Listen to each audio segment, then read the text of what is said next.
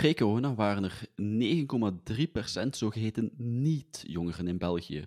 Jongeren tussen 15 en 25 jaar die geen school liepen, niet werkten en geen opleiding volgden. Hoe moet de overheid hiermee omgaan? Kunnen innovatieve financieringsmodellen zoals social impact bonds hier een oplossing bieden? Dat is de vraag die vandaag centraal staat in deze aflevering van Itinera Invites. Itinera Invites is een nieuw initiatief van de Denktank Itinera, waarin we mensen uitnodigen met een vraag die ertoe doet. We gaan in dialoog met civil society, beleidsmakers, ondernemers en burgers, en samen met, met een Itinera Fellow proberen we die vraag te verkennen, verdiepen, verrijken en ze scherp te stellen. Wordt ze beantwoord aan cours de route, mieux, maar dat is niet het doel van het gesprek. Ik ben Simon Giotto en samen met Bart de Bond, CEO van YouthStart, vragen we ons vandaag af of innovatieve financieringsoplossingen zoals social impact bonds de oplossing kunnen zijn voor de niet-problematiek. Laat ons weten wat u denkt op Twitter en Facebook met hashtag Itinerainvites. Dag Bart, bedankt om erbij te zijn vandaag. Heel graag gedaan, Simon.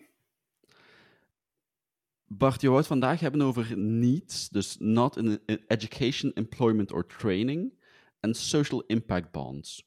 Hoe ben je tot die vraag gekomen? En leg ook eens even uit voor onze luisteraars en kijkers wat zo'n Social Impact Bond precies is. Ja, dus um, hoe ben ik tot die vraag gekomen? Omdat ik al een aantal jaren verantwoordelijk ben voor YouthStart. En YouthStart is een uh, sociale organisatie die als missie heeft om elke laaggeschoolde, en laaggeschoold wil eigenlijk zeggen maximum een secundair diploma hebben of geen uh, diploma, om elke laaggeschoolde niet-jongeren, en dat zijn jongeren die niet in educatie zitten, not in education, not in employment or not in training, om daar allemaal iets van te maken. Hè? In employment education training. En wij doen dat door middel van een uh, innovatieve korte training van acht dagen, waarin ze in de huid van een ondernemer kruipen met de bedoeling van hen de ondernemer van hun eigen leven uh, te maken. En het impact dat we daarmee realiseren is uh, torenhoog. Dat wordt elk jaar gemeten door VUB.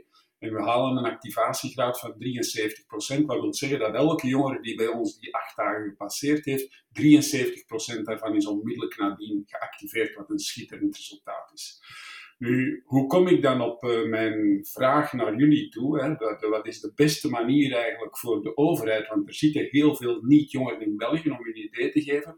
Het OESO heeft geschat dat in België, en dan spreek ik ook over niet-jongeren die wel een hoger diploma hebben, in de totaliteit zit er in België ongeveer 273.000 niet-jongeren. Dus dat is een, een zeer groot probleem in België.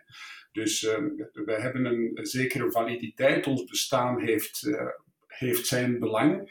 En uh, de, het feit dat we nu al duizend jongeren per jaar trainen, is toch geen onaanzienlijk aantal. Alleen zien we, we zijn een beetje een anomalie in het Belgische landschap van organisaties die bezig zijn met niet-jongeren. Waarom? Omdat wij een organisatie zijn die onze activiteit al kunnen doen gedurende 23 jaar zonder dat we gesubsidieerd zijn. Wij kunnen deze deze activiteit doen dankzij ondernemers en ondernemingen die het fantastisch vinden, de combinatie tussen kwetsbare jongeren enerzijds en het ondernemerschap anderzijds.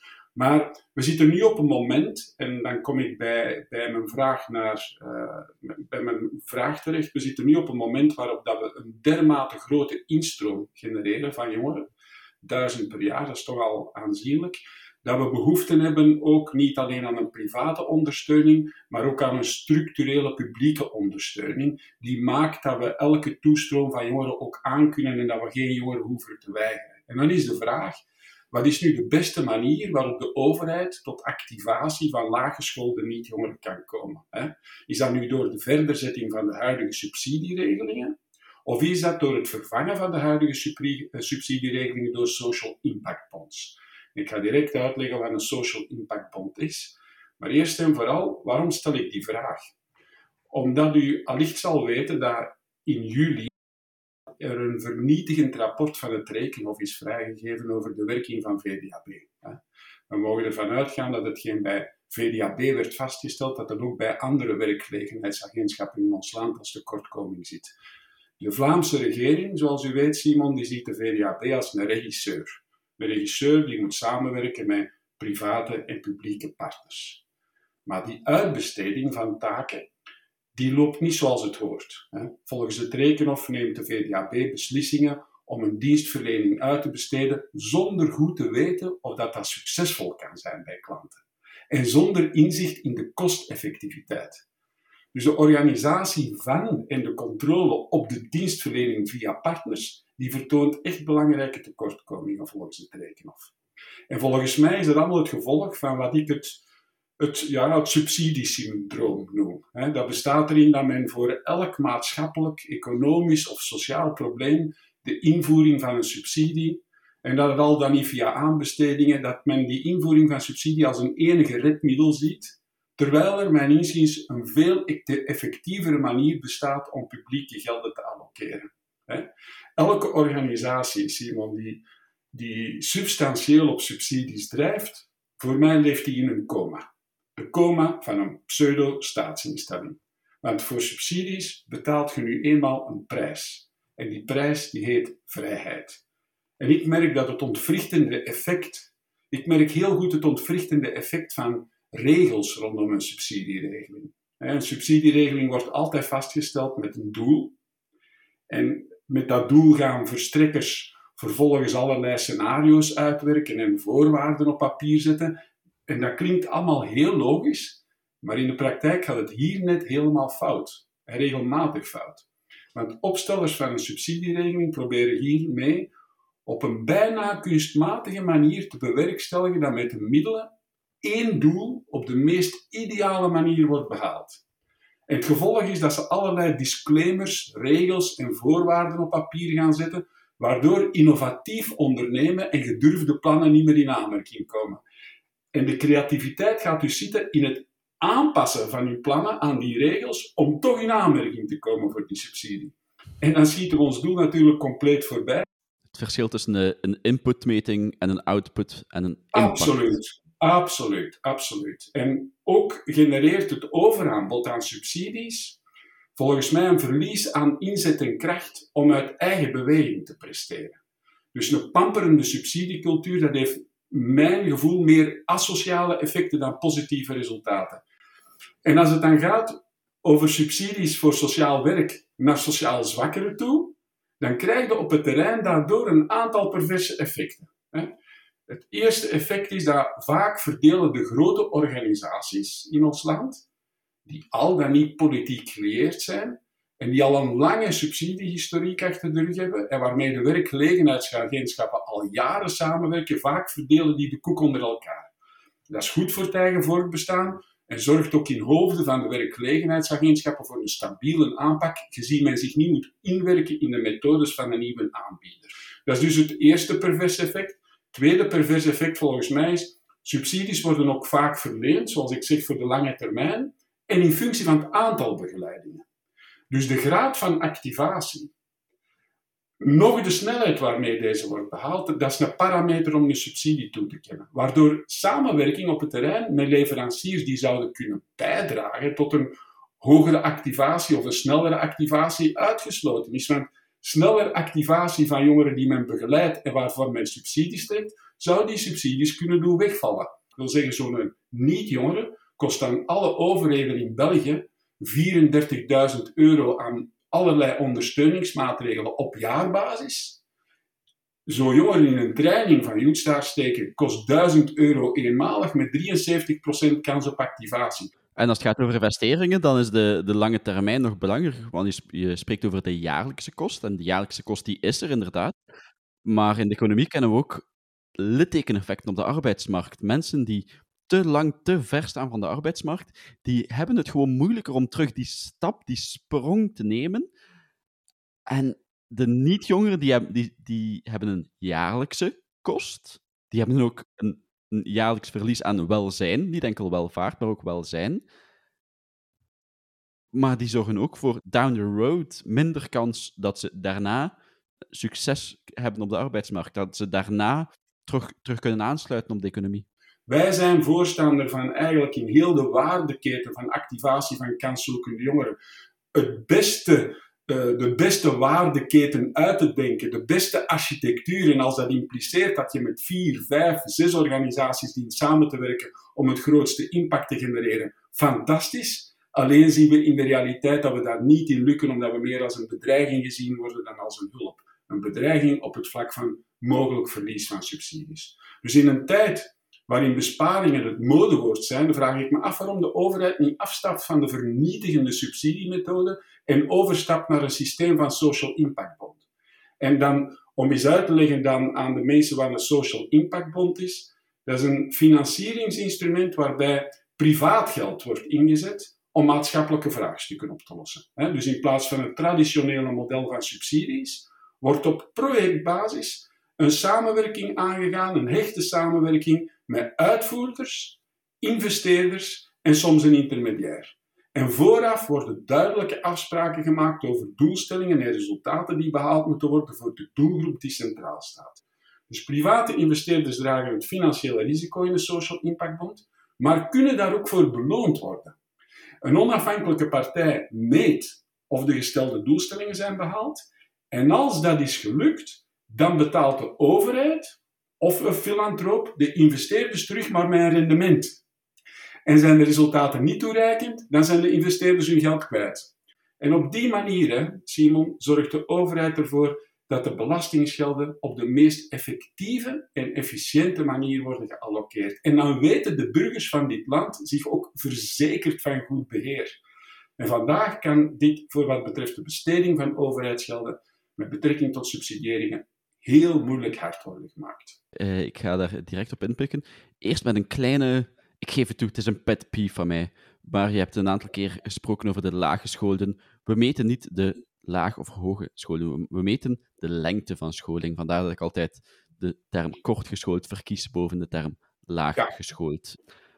En wat ik ook zelf zeer interessant vond aan het concept van social impact bonds, toen ik er daar een paar jaar terug onderzoek rond deed, was de... Het is een vorm van resultaatsgerichte financiering, maar waar de eerdere resultaatsgerichte financiering een toch wel zeer kapitaalrijke actor vergt om alles te kunnen voorfinancieren, kunnen hier allerhande zeker innovatieve projecten die zelf nog geen kapitaal hebben, beroep doen op dat externe kapitaal, dat niet enkel een vorm van financiering is, maar je, je verwees ook al naar die, die prikkels die de private investeerders introduceren in het verhaal. Het is niet simpelweg de overheid die zegt, dit moet gebeuren. Een actor die zegt, wij zullen dat doen. En die betaald wordt als en slechts als het lukt. Het zijn die private investeerders die als een soort, soort aanjaagmotor daarachter zitten en dat ook zullen opvolgen.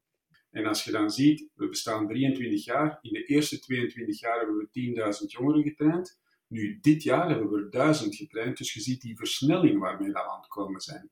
En ik zie daar echt wel, ik, het zou de eerste keer zijn in de geschiedenis van Joenstad dat we jongeren moeten weigeren. We zijn gestart met direct recruitment, zoals je die affiche hier achter mij ziet, die ziet je vaak ook in stations en zo verschijnen. Wat is dat? Dat is pas nieuw, vandaar ook onze stijging het afgelopen jaar. Wij zijn eigenlijk gestart met uh, jongeren rechtstreeks te gaan uh, trachten te benaderen. Uh, via social media advertising, uh, Google Ads, offline en online recruitment. En dat is zeer goed gelukt. Hè. We hebben dit jaar 400 jongeren dankzij dat kanaal doen instromen en volgend jaar ongeveer 700. Nu, dan komt dan een probleem bij kijken. Dat is fantastisch dat we die jongeren kunnen bereiken. Maar dat betekent wel dat we nu voor de eerste keer geconfronteerd worden in onze geschiedenis met het feit dat we misschien jongeren moeten gaan weigeren. En vandaar dat ik het zo belangrijk vind om eigenlijk de overheid diets te maken dat het een zeer interessant instrument is, Social Impact Bond. Dat is een instrument dat in België nog weinig of niet gebruikt wordt. Ik vraag me zelfs af of dat er, hoeveel politici ervan op de hoogte zijn en weten hoe het effectief functioneert. Wat de gekendheid bij de politici betreft, kan ik u al zeker één politicus garanderen die zeer goed bekend is met het onderwerp. Onze huidige staatssecretaris voor Relance, Thomas Dermin. In een vorig leven was, stond hij aan de wieg van de eerste Social Impact Band in België. De ja. Doer for a Job, een, een Brussels activeringsprogramma, dat al een aantal jaar, ik weet niet precies van buiten, ik wil zeggen drie, vier, vijf jaar ergens in die buurt, ja. met een Social Impact Bond werkt. En daar zeer positieve resultaten haalt. Ook door een intensief mentoringprogramma op poten te zetten voor, ik dacht, voor hun uh, hooggeschoolde nieuwkomers. Ik denk dat een, uh, ik denk dat een, een gedegen analyse van hoe dat nu Social Impact Bonds effectief functioneren in België, noodzakelijk is om het een instrument te maken die vlot, makkelijk hanteerbaar is en ten voordele van alle partijen. Maar daar zit je eigenlijk bij de crux van de Social Impact Bond. Dat is niet het financieren, het privaat geld vinden. Want privaat geld dat zich maatschappelijk wil engageren, dat is er. Dat is niet de overheid die het risico op iemand anders zou, graag zou willen afschuiven, maar zelf het voordeel. Dat willen ze. De crux in binnen- en buitenland, is niet enkel een Belgisch, uh, Belgische uitdaging, is het opmaken van die Social Impact Bond en specifiek wat gaan we meten, op welke manier, met wat gaan we dat vergelijken. Die doelstellingen zetten zijn bijzonder moeilijk, want dat vergt een overheid die, zoals we al hebben gezegd, niet kijkt naar de inputs zoals we gewend zijn, niet kijkt naar de processen zoals we gewend zijn, zelfs niet kijkt naar de outputs, die kijkt naar de impact, die een impact kan definiëren, die die impact kan becijferen. Niet enkel, we willen meer jongeren activeren, maar gegeven dit budget willen we zoveel procent meer jongeren activeren. Die dat in een kader kan doen waarin de jongeren ook vergelijkbaar zijn. Want je kan succes hebben door een zeer goed programma, of je kan succes hebben door zeer goede deelnemers te kunnen kiezen. Ik zeg zeker niet dat dat in, uw geval zou zijn, maar er wordt soms van de, de charter school movement, uh, dus de gesubsidieerde privéscholen in de VS en het Verenigd Koninkrijk, gezegd dat ze vooral zeer goed zijn in hun leerlingen en in hun ouders kiezen. Dat is ook een uitdaging van die Social Impact Bond. Hoe zou een overheid die, die daar niet gewend is, die daar zelfs de in-house expertise niet voor heeft, om die stap te zetten van dit is wat we willen doen, naar dit is wat we willen bereiken. En hoe het bereiken, dat laten we bij jullie. Ja, ja klopt. Dat is effectief, dat is effectief de moeilijkheid. Ja.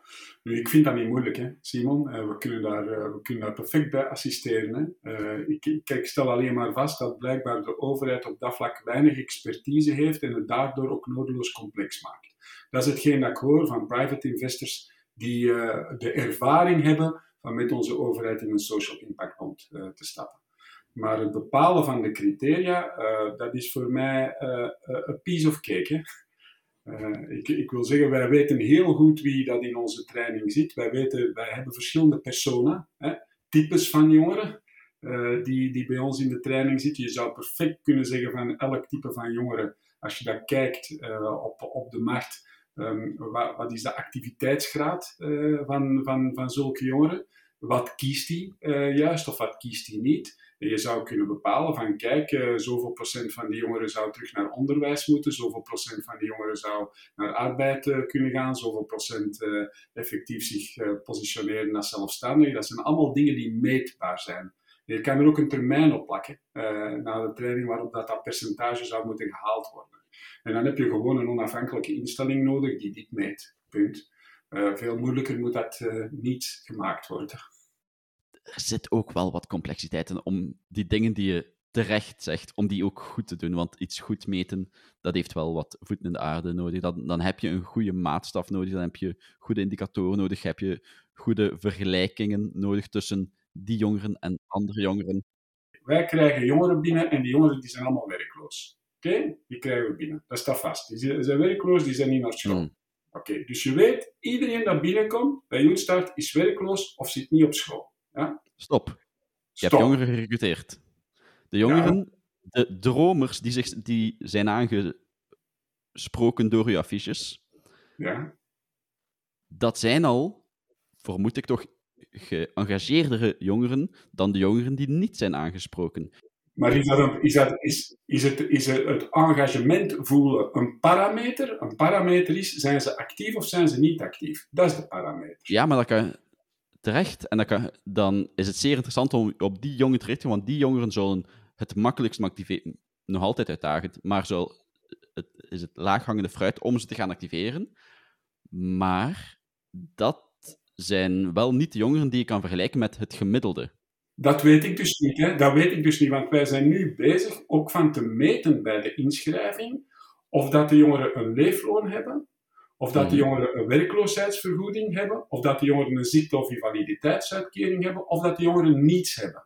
Want je mag niet vergeten, er zijn ook heel wat jongeren die een VDAB actief zijn voor hem niet kunnen bereiken. Waarom? Omdat dat jongeren zijn die weerstand hebben ten opzichte van alle publieke autoriteiten, die zich zelfs niet willen inschrijven bij een VDAB, die zelfs ook willen geen gebruik willen maken van een leefloon. Maar dat zijn wel jongeren die wij via onze rechtstreekse campagne bereiken. Dus Mm Ervan uitgaande dat dat de meest gemotiveerden zijn, top, dat zou kunnen, maar het zijn wel vaak jongeren die zelfs nog niet zitten uh, bij de officiële instituten die ze zouden moeten zoeken en vinden en begeleiden. Dus wat is nu het allerbelangrijkste? Het allerbelangrijkste is dat we vaststellen dat er een hoog percentage van kortgeschoolde niet-jongeren is in België. En dat dit maatschappelijk weegt. Oké? En, of dat, en, of dat, en als wij in staat zijn om dat percentage te verlagen, daar gaat het toch om, hè? Of dat, het dan verlaagd, of dat het dan verlaagd wordt door jongeren die gemotiveerd zijn om ons te volgen of niet, speelt totaal geen rol. Hè?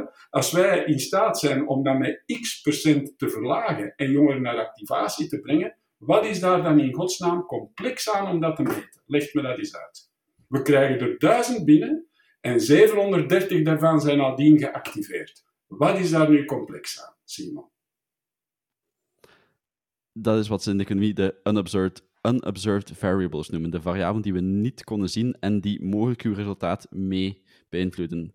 Dat klopt. Daar, daar ben ik het Nee, nee, nee, maar, daar ben ik, maar ik vind dat heel interessant. Ik vind dat heel interessant, hetgeen dat je zegt. Een heel belangrijke opmerking, hetgeen dat je zegt. Vandaar ook dat we een vraag hebben laten toevoegen door de VUB. Hmm. En de vraag die dat we laten toevoegen, want het is inderdaad zo, wij zijn niet de enige aanbieder op de markt. Hè.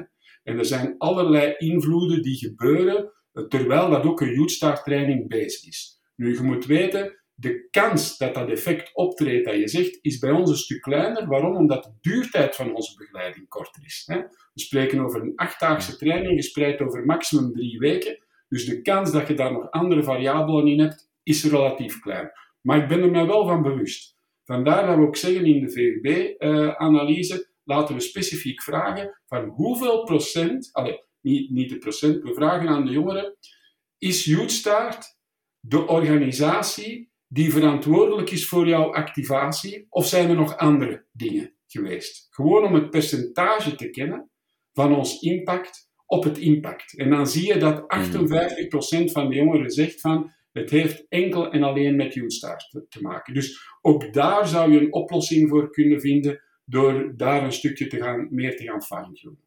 Wel, ik vond het een bijzonder engagerend gesprek en het eh, enthousiasme was besmettelijk. Nog iets wat besmettelijk is in deze periode. Dus ik denk ook dat social impact bonds echt een enorm potentieel kunnen bieden, zowel in ons arbeidsmarktbeleid als in andere beleiden, in ons welzijnsbeleid, in ons onderwijsbeleid. Een social impact bond is het financieringsinstrument bij uitstek om innovatieve projecten een kans te bieden, want de overheid hoeft geen zicht te hebben op het project. De overheid hoeft enkel zicht te hebben op het resultaat dat ze beogen. En een social impact bond is een manier om vers kapitaal naar deze projecten te krijgen, zonder dat de overheid het risico draagt, maar met wel een maatschappelijk rendement. Een budgetair rendement, een financieel rendement, maar ook een maatschappelijk rendement. En ik denk dat een social impact bond een onderbenut instrument is in België. Dankjewel Simon, je hebt dat fantastisch afgesloten. Ik had het zelf niet beter kunnen zeggen. Ik dank jou in ieder geval voor de tijd die dat je ervoor hebt vrijgemaakt. En ik hoop dat deze podcast een aantal geesten heeft doen rijpen uh, tot een niveau dat het uiteindelijk kan uh, tot, uh, tot actie komen.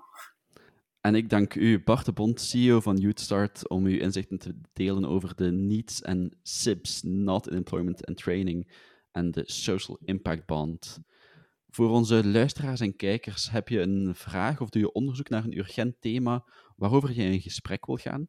Maak ons dan je vraag duidelijk in een korte post, video of een ander medium naar keuze en mail dat naar invites.itinera.team. Mogelijk wordt jouw vraag dan het onderwerp van een van onze volgende edities. We delen deze dialoog en nieuwe inzichten via onze website en social media en hopen dat dit aanleiding geeft tot een verder debat. Abonneer op de podcast en blijf op de hoogte. Ga mee in dialoog met hashtag. Ik was uw gastheer Simon Giotto. En tot een volgende keer bij een nieuwe aflevering van Itinera Invites. Dank u wel.